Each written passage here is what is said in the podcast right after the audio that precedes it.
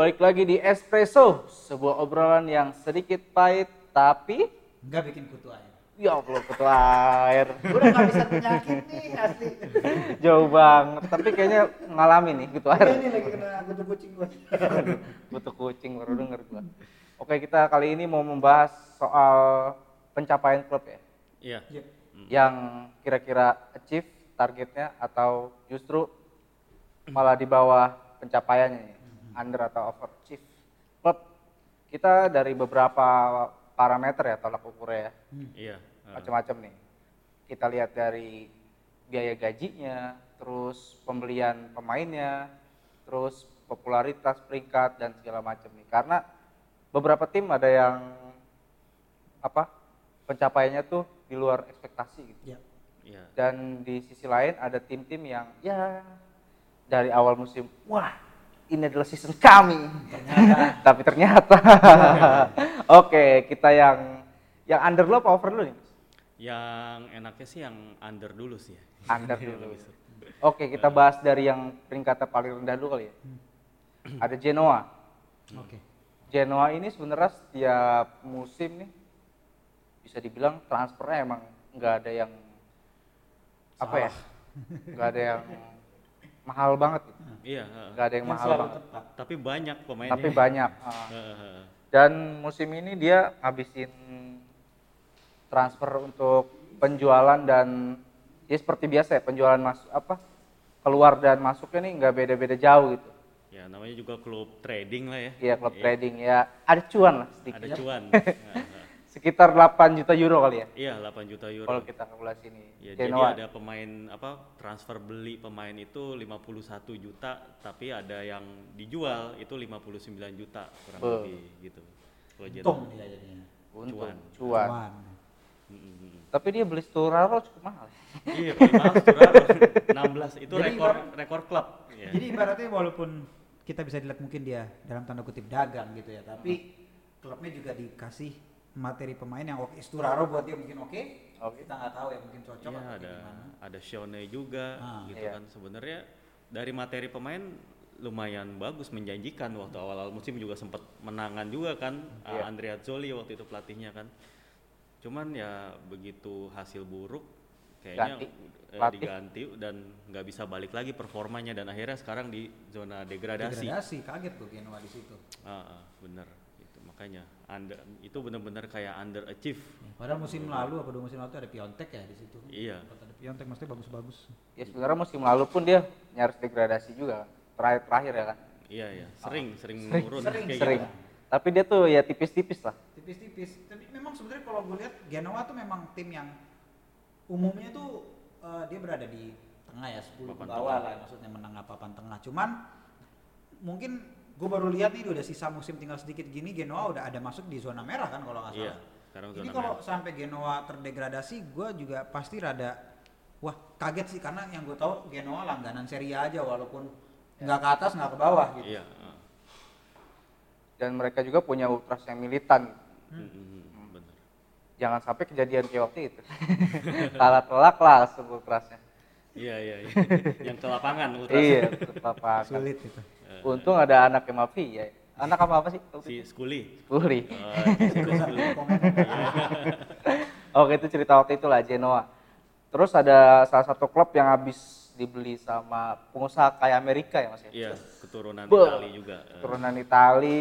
Transfernya gue bilang sih lumayan bagus. Transfer Roko. Iya, lumayan. Roko. mendatangkan pemain yang senior sama yang potensial tuh berimbang gitu. Iya, ada Ribery. Ya memang dia. kan. Ribery sih yang paling menonjol ya. Dia melepas beberapa pemain kunci di tahun eh di musim lalu kayak Veretu gitu. Iya. Tapi dia ngedatanginya juga Eric Pulgar, ya kan? Heeh, Terus di di depan ada Ribery, di belakang juga dia Saseres ya, Iya, Saseres. Iya. Saseres dan juga ngambil lagi kiper yang memang cukup potensial gitu, Dragowski. Dragowski. Dragowski. Iya. Tapi nih prestasinya, aduh, sayang Dia pemain mudanya nih. Udah, udah peringkat berapa? 13 14 ya kalau Iya, segitu. Sekitaran segitu. Gua rasa sih masalah Fiorentina juga pelatih juga sih ya. Mungkin, mungkin harusnya dia nunjuk pelatih yang emang lebih berpengalaman, lebih reputasinya lebih bagus gitu. Tapi mungkin ya karena ini musim pertamanya si Rocco Comiso juga jadi presiden, mungkin dia belum terlalu banyak ngasih pengaruh kali. Gua rasa tapi musim-musim depan tim ini punya potensi sih harusnya. Pioli lagi apa musim depan? Bisa. apalagi dia udah udah dap- pasti dapat salah satu gelandang potensial juga nih Sofian Amrabat. iya. Harusnya iya. sih musim depan ya. Bagus. De Jual- Rossi jadi apa enggak sih? Belum masih belum official ya? Siapa? Atau De Rossi.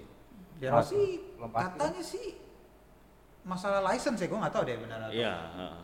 Tapi kalau gue sih menyayangkan ya maksudnya cari aja pelatih yang udah jadi gitu. Iya maksud gua, gua nggak tahu Ada. mungkin ya tujuannya Rocco Comiso di dua musim awal ini adalah balik lagi ke bisnis sih. Ini nama De Rossi gitu loh, seorang De Rossi. Mungkin kalau memang benar jadi ya, karena nama De Rossi juga nama yang besar di Italia ya, bukan kita ngomongin eh, di to- bahkan di Eropa juga di Iya. keseluruhan juga nama siapa sih nggak tahu De Rossi lah ibaratnya salah satu gelandang terbaik yang Italia punya. Ya mungkin itu as a player tapi tapi Iya, kan kalau pelatih. kalau pelatih memang Belum terbukti. belum terbukti cuman kalau kita ngomongin hanya sekedar nama gitu ya sekedar nama mungkin akan memberikan dampak positif dari segi entah itu finansial atau pokoknya dari segi bisnis mungkin eh, si Komiso masih ngelihatnya dari sisi itu dulu ya Iya. mungkin tapi dengan eh, belanjanya dia datengin si eh, siapa Amrabat ya gue ngelihat sih Ada ambisi. ada ambisi gitu loh Iya. lumayan ada ambisi karena Amrabat itu salah satu pemain terbaik musim ini ya di di Serie A ya salah satu layak lah maksud Ah. gue dapat team of the year ya mungkin Nominasi, iyalah paling nggak masuk Nominasi. lah. heeh. Berarti lebih setuju ganti pelatih yang lebih berpengalaman dong. ya Pioli Iya. lagi aja nggak apa-apa Selanjutnya ada tim yang sebenarnya dalam beberapa musim terakhir itu cukup mengganggu dominasi Juventus. Dan belanjanya sebenarnya di awal musim belanjanya bagus-bagus nih. Iya. Dia di belakang ngedatengin Manolas, Mm-mm. di tengah dia ngedatengin Diego Deme dari Leipzig ya. Dari iya eh, Wolfsburg kalau nggak salah ya atau apa sih? Jerman Iya, iya, Jerman. iya, Ya, gua juga terus ada Lobotka, Lobotka terus di depan juga ada Lozano, ada yang senior ada Llorente, Hmm, Iya, iya. ada, ada tapi Politano ya terus oh iya ada Napolitano. Napolitano, ya, iya. itu. Tapi ya ada kisru manajemen sempet ya. Iya, ini awal-awal sih musim. kayaknya sih si makanya si De Laurentiis ini waktu itu ngamuk gitu, ibaratnya dia udah belanja gede-gedean gitu, tapi ternyata hasil di lapangan nggak sesuai harapan. Terus akhirnya dia hukum pemain untuk eh, retiro waktu itu, yang akhirnya diprotes, baru deh Ancelotti dipecat, akhirnya baru deh Gattuso masuk kayak apa namanya menyeimbangkan lagi gitu. Tapi ya tentunya ya kalau kita lihat spendingnya Napoli itu 196 juta euro untuk ngebeli pemain. Ya hampir 200 juta. Di mana eh, si Manolas sama si siapa Lozano itu hampir ngabisin 80 juta sendiri gitu. Itu ngebuktiin sebenarnya tim ini punya ambisi gede ya tapi kalau ngelihat sekarang performanya eh, nggak masuk ke zona Liga Champions sih bisa dibilang Napoli agak underachieve sih musim ini sih. Jadi pantas dibilang gitulah ya. Gitu. Padahal dia lumayan berhasil nahan pemain-pemainnya sih supaya nggak dilepas. Mm-mm, dan itu makanya bikin biaya gajinya juga gede sampai hampir 100 juta euro. Itu kan apa pernah gue juga pernah baca bukunya Soccernomics itu kan katanya biaya gaji itu ber apa berbanding lurus sama prestasi biasanya dan ini sebenarnya udah dijalani nama Napoli nih si De Laurentiis udah berusaha gitu untuk ningkatin performa timnya lewat eh, biaya gaji eh, ngegaji bintang-bintang yang supaya dia tertarik untuk bergabung dan eh, tertarik juga untuk bertahan gitu. Tapi ya ternyata ya emang hasil di lapangan itu kadang-kadang nggak suka nggak sejalan aja gitu. Pemecatan Ancelotti juga jadi salah satu faktor sih yang sebenarnya gue juga sendiri Iya. sebagai tifosi itu bingung gitu loh. Ancelotti punya prestasi yang bagus dan di Napoli nggak not bad kok menurut gue. Hmm. Nggak tahu kenapa alasannya kenapa dia dipecat katanya ribut sama Aurelio cuman gue nggak tahu ya itu benar atau enggak. Cuman eh, justru yang tadi Mas Adit bilang ada ada pemain yang mau bertahan atau ada yang mau datang itu karena faktor Ancelotti sebenarnya pasti berpengaruh Iya, gitu loh. Kenapa bintang itu mau bertahan? Karena ya sosok Ancelotti lagi. Nah tapi sekarang di bawah Gattuso, kalau ngomongin soal pemain yang mau datang atau yang mau bertahan itu mungkin akan eh, ngelihat juga kualitas Gattuso yang memang belum terbukti se- sejauh apa lah gitu. Masih belum punya achievement yang oke-oke banget. Walaupun eh, di musim ini Napoli sangat baik mainnya ya, bahkan berhasil menjuarai Coppa gitu loh ngalahin Iya. Juve. Tapi ya itu sih yang menjadi pertimbangan dan kalau dari segi finansialnya ngelihat uh, transfer in dan transfer outnya yang timpang banget ya gitu ya. Iya. Jadi memang benar gue setuju sama Mas Adit bilang dia ya salah satu tim yang underachieve musim ini.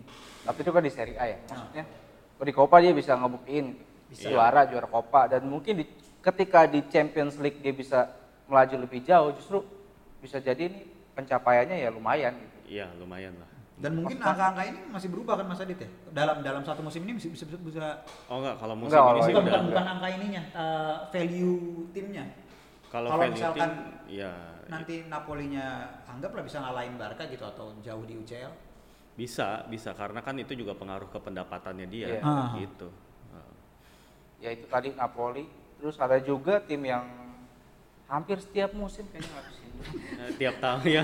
Tiap tahun underachieve mulu. Tiap tahun revolusi gitu. We are storage. Cemilan piye. Udah tahu lah. Tapi kalau gua ngelihat kebijakan transfer sih justru dari beberapa tahun terakhir ya. Pemain-pemain yang dibeli di bursa transfer musim panas kemarin terbukti Iya, sebagian besar terbukti gitu. Yang didatangin Maldini Boban ya contohnya ada Theo, Re- Theo Hernandez, Ante Rebic, terus Ismail Benacer gitu. Bahkan seorang back yang bilang udah nggak muda gitu, Simon Kjaer tuh masih masih Iya. kerja lah. Cuman kan penyakitnya Milan tuh dia nggak bisa ngelepas ya mas ya, nggak bisa ngelepas pemain-pemain sebelumnya iya. yang emang dia belinya mahal gitu, terus dilepasnya mau nggak mau ya udah segitu aja lah. Iya. Kan kayak kayak pas beli pemain itu kayak udah mikir konsep ini kita akan jual rugi. kayak gitu gak sih maksudnya? Kayak Iya. sekarang ada siapa Musacchio ya mau cabut. Musakio, ah. Musakio mau cabut terus belum lagi yang lainnya gue nggak tahu sempat uh, Frank Casey juga mau cabut entah ke mana Eh, nggak mungkin dengan harga yang tinggi sebenarnya justru yang kayak kita lihat Piontek deh Piontek Iya. ah. dibeli mahal dijual cuma Ya. ya berapa gitu loh maksudnya Ah, ah. eh memang Milan ini dari segi transfer juga ya ini balik lagi ke masalah finansial sih memang bukan kelasnya Milan juga untuk beli pemain-pemain yang mungkin bisa dibilang eh, mediocre atau tapi kalau kayak Theo Rebic itu Theo itu gue lebih suka bilangnya dia adalah potensial ya wonderkid ya gitu. Tapi Iya. ngebeli eh, mungkin gue nggak tahu ya Rebic itu umurnya udah 26. 26 ya nggak muda lagi. Menurut gue itu pembelian yang terlepas dari Rebic bagus main musim ini ya. Maksudnya dia bagus di musim ini terlepas dari itu. Maksudnya pas awal ya kita tahu Rebic tuh bukan bukan bukan bintang yang biasa dibeli Milan Iya. bukan bukan tipenya Milan banget gitu loh tapi walaupun memang ngelihat kondisi finansial Milan ya mungkin itu yang paling cocok Iya. gitu loh mungkin dari segi finansialnya Mas Eh, Adit bisa. Dan salah satu yang bikin tadi bisa dibilang Milan itu susah eh, nyari untung dalam ngejual pemain adalah pemain-pemain yang dikontrak sama Milan itu gajinya gede gitu dan durasi kontraknya panjang. Jadi artinya eh, si pemain itu juga kalau misalnya dia mau pindah, dia juga harus nyari klub yang paling nggak bayar bisa bayar gajinya sama gitu ya. Atau padahal ya pemain-pemain itu eh, di Milan misalnya nggak banyak dapat tempat sehingga permainannya menurun. Dan otomatis kan klub yang mau beli kan juga jadi mikir-mikir oh ini pemain gajinya gede tapi sebenarnya permainannya turun. Itulah yang bikin pemain-pemain Milan tuh jadi harganya lebih murah gitu. Dan akhirnya s- kondisi itu secara apa namanya kalau dilihat secara eh, keseluruhan itu menggerus banget kondisi finansial Milan yang akhirnya rugi terus. Dan emang setuju baru musim ini musim 2019-2020 itu kebijakan transfernya benar-benar kayak diperbaikin. Pemain-pemain yang datangin muda dan potensial biaya gajinya juga ditekan ya. Tapi tetap menurut gue eh, target untuk klub seperti Milan itu harusnya UCL tapi ngelihat Milan di mana sekarang Milan berada di klasemen itu kayak udah nunjukin indikasi sebenarnya underachieve juga gitu. Dan buktinya ya bakal ada revolusi mini lagi nih yang bakalan terjadi musim depan gitu. Sebenarnya emang penyakitnya bukan bukan cuma ngebeli sih kalau yang gue lihat. Ngejual lah Milan itu penyakitnya. Iya, Iya. heeh. nggak bisa dia ngejual harga mahal. Terakhir cuman siapa ya? Ibrahimovic Thiago Silva Kakak Iya. itu udah. Siapa lagi abis itu? Iya yang jual untung gitu ya. ya makanya dalam beberapa tahun terakhir ini tuh buat nutupin minusnya itu susah banget. Bahkan tim sekelas Juve aja gitu ya ibaratnya eh, yang memang kalau kita lihat umumnya tim gede memang selalu beli pemain lebih mahal ngejual lebih murah tapi eh, buktinya dengan adanya transfernya eh, Pjanic dan Arthur ya salah satunya itu mereka profit besar loh gitu maksudnya Iya. tim kayak Juve aja tuh masih bisa ngejual pemainnya berarti kan memang menunjukkan yang kayak tadi Mas Adit bilang biaya gaji atau biaya transfer itu harus garis lurus dengan yang namanya prestasi gitu. Iya. Uh, Oke itu tadi yang underachieve ya. Sekarang kita bahas yang pencapaiannya di luar ekspektasi. nih. Overachieve. Ya ya Kak. Yang pasti yang musim ini udah melewati banyak rekor nih. Termasuk di Eropa yaitu Atalanta. iya. Atalanta bisa dibilang setiap tahun tuh grafiknya gini nih. Iya, benar. Keren. Karena seorang Gasperini yang didukung sama manajemennya. manajemennya dan memang presidennya juga ngerti bola sih kayak gue lihat. Ya, Percasi dan Percasi. juga eh, direkturnya Giovanni Sartori juga itu sangat-sangat bagus dalam apa eh, nyari talenta-talenta yang berbakat gitu ya. Iya. Yang biasanya mungkin di dalam beberapa tahun dulu gitu ya. Atalanta tuh emang punya Primavera yang bagus tapi buat dijual. Nah, kalau ini nih buat dijadiin nih untuk tahun-tahun belakang ini nih. Karena Atalanta udah kemungkinan besar musim depan juga masuk UCL lagi. Jadi dia nggak bisa lagi tuh ngejual-ngejual pemain bagusnya ya. Iya. Mungkin mereka akan berusaha semaksimal mungkin untuk mempertahankan karena Iya. dengan masuknya dia ke zona UCL pasti profit akan meningkat.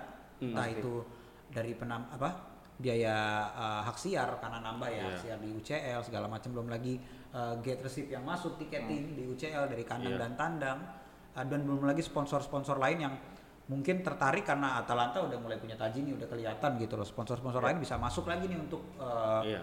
membantu mendorong ke uh, finansialnya Atalanta. Jadi, bisa jadi Atalanta kalau konsisten seperti ini Atalanta akan kayak gue ngelihat contoh dari luarnya itu mungkin nantinya bisa jadi kayak Leipzig Iya. Leipzig Atau yang malah Dortmund bisa ya, jadi. atau bisa jadi Dortmund lama-lama.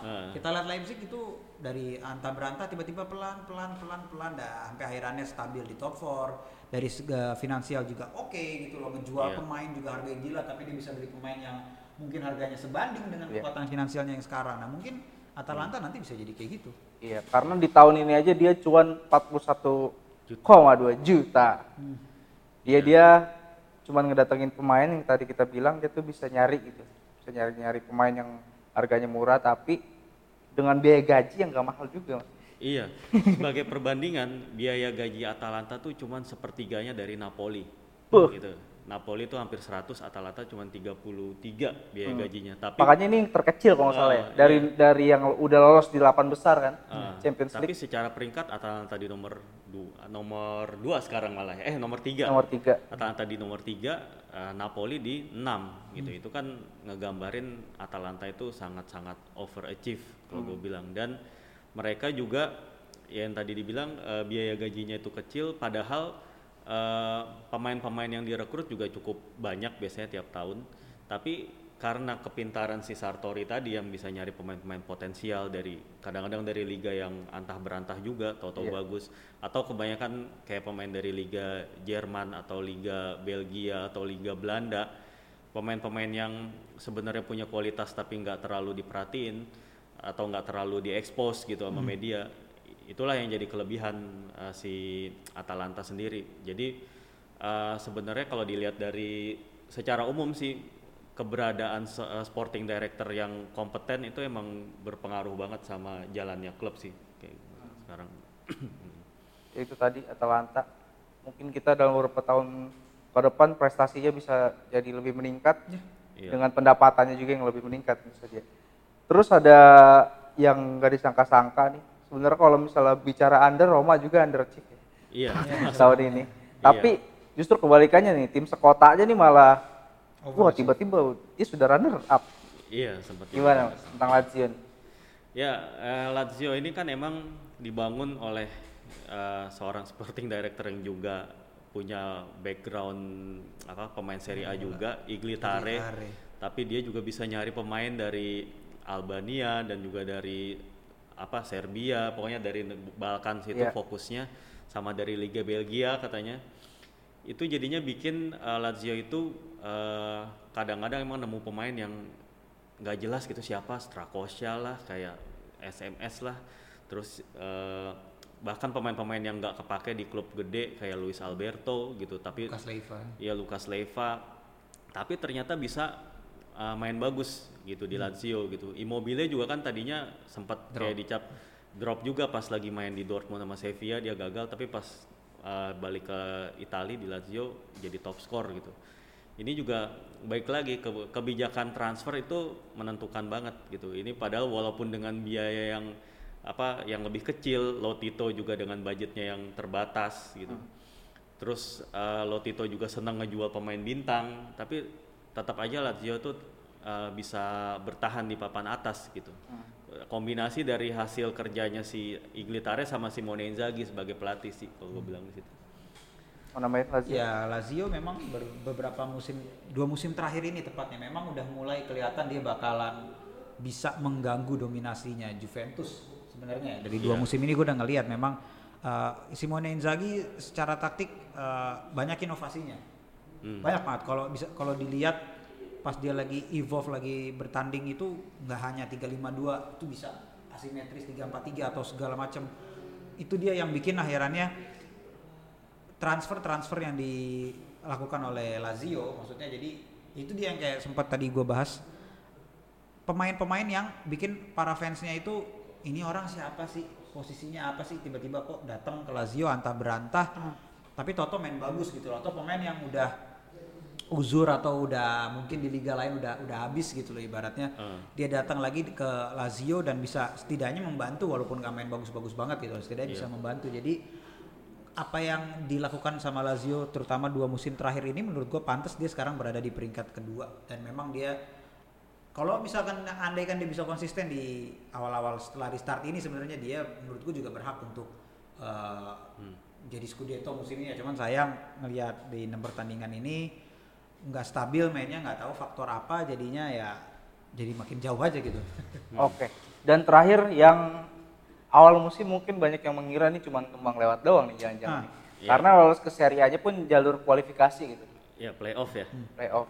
Tapi justru dia yang paling atas sekarang di peringkatnya di antara tim-tim yang kemarin Promosi. promosi, Iya. yaitu Hellas Verona gitu. Dan kebijakan transfernya ini bener-bener works gitu.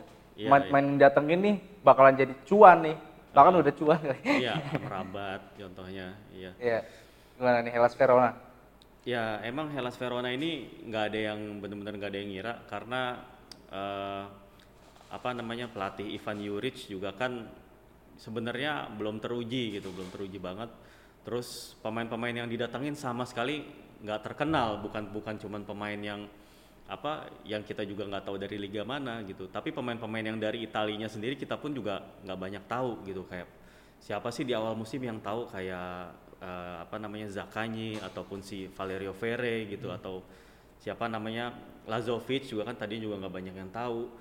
Terus eh, pemain-pemain kayak si Kumbula Rahmani itu kan juga eh, siapa gitu kan. Dan banyak yang ngira eh, tim ini cuma bakal numpang lewat. Karena secara tradisi kan juga eh, tim-tim yang promosi dari seri B itu kan kayaknya tuh kayak cuma numpang lewat dan susah bersaing gitu. Tapi Iya. ternyata di bawah Ivan Juric Verona tuh sempat kayak berpeluang lolos ke Eropa bahkan dan sempat ngalahin tim-tim kuat juga. Juve juga bisa dikalahin Inter kemarin ditahan imbang gitu. Itu sih ngebuktiin ngebuktiin juga Uh, kalau Verona ini tim yang sebenarnya kalau dari kebijakan transfer mungkin nggak sebrilian Atalanta atau Lazio tapi ini tim yang benar-benar kayak dilatih dengan bagus gitu kalau gue bilang sih Ivan Juric itu emang udah nemuin komposisi yang pas juga kalau Oke, itu tadi tim-tim yang overachieve ya. Dan ketiga tim itu bermain dengan tiga back. ya iya kebetulan Verona Kebetulan, kebetulan. eh, kalau gue lihat dia memang punya bonding yang kuat antar pemainnya Iya. Hmm. karena itu karena mungkin dari musim lalunya dia juga bukan tim yang eh, yang yang timnya ini skuadnya ini diganggu ya sama klub-klub lain ya pemainnya. Memang baru sekarang aja nih akhirannya si Amrabat terus Iya. Kumbula udah mulai di ancar-ancar mau di iya. cabut lah mau digoyangin gitu loh. Gue nggak tahu. Sebenarnya gue sangat menyayangkan sebenarnya pemain-pemain itu pindah karena kalau misalnya mereka mau bertahan mungkin musim depan Verona bisa berbicara lebih banyak lagi sebenarnya. Karena Iya. menurut gue apa yang ditunjukin Verona musim ini tuh ya luar biasa. Kayak kemarin waktu nahan imbang Inter bahkan bisa pemainnya sisi Laza eh, siapa? Lazovic. Lazovic itu dengan mudahnya ngelewatin Skriniar. Iya. itu menurut gue itu bakalan jadi satu uh, achievement buat Iya. pemain itu sendiri gitu loh. Dan menunjukkan juga ke ke Liga Italia sendiri ke tim-tim yang lain. Kalau Verona ini adalah tim yang layak untuk uh, dipertimbangkan kekuatannya gitu loh. Jadi nggak hanya bisa dibilang sekedar numpang lewat atau kayak gimana nih serius nih tim gitu loh ternyata mainnya. Cuman ya tergantung nanti biasanya kan kalau tim-tim kayak gini yang mencuat di sebuah musim terus pemain-pemainnya juga bagus ya biasalah Wah. dipretelin lah gitu. Pretelin habis itu ya udah Iya, kelar. gitu.